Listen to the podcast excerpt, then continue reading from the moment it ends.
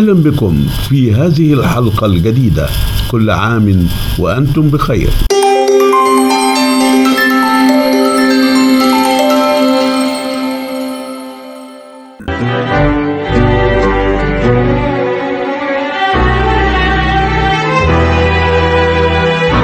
لقاء اليوم.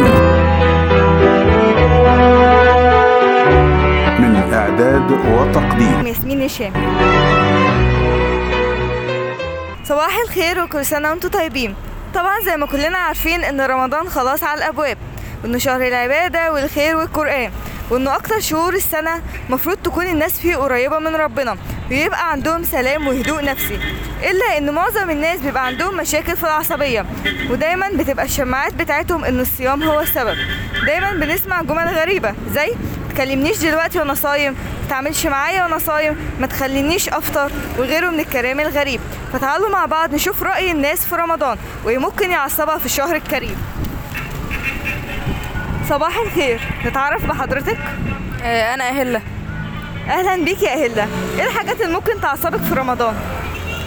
آه، يعني أنا مثلا بكره قلة الذوق إن أنا مثلا أكون أعمل حاجة لحد أو أو يعني أعمله بذوق وهو يردها بقلة ذوق دي بتعصبني. ممكن عصبيتك توصلك إنك تشتمي وخصوصا وانت صايمة؟ لا ما أعتقدش يعني ما مش شايفة إن في حاجة تستاهل إن أنا أخسر صيامي عشانها. إيه هي نصيحتك عشان نهدي نفسنا لما نتعصب؟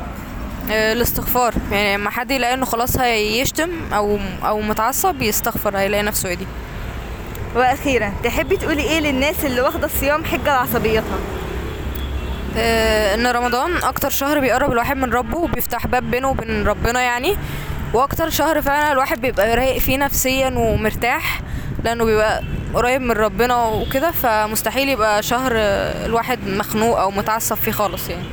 أنا بشكرك جدا على مشاركتك معانا. واضح إن الصيام مش هو سبب العصبية زي ما ناس كتير بتقول. لكن السبب الرئيسي إننا مش عارفين نتحكم في عصبيتنا مش عارفين نتعامل مع الناس. لا إحنا ما عندناش هدوء نفسي كافي. ولكن نصيحتي ليا وليكم كلكم اللي إحنا نحاول ننتهز فرصة الشهر الكريم. ونحاول دايما نحافظ على هدوءنا وسلامنا النفسي. ونتعامل برفق مع الناس. كل سنة وأنتم طيبين ورمضان كريم علينا جميعا. كانت معكم ياسمين هشام.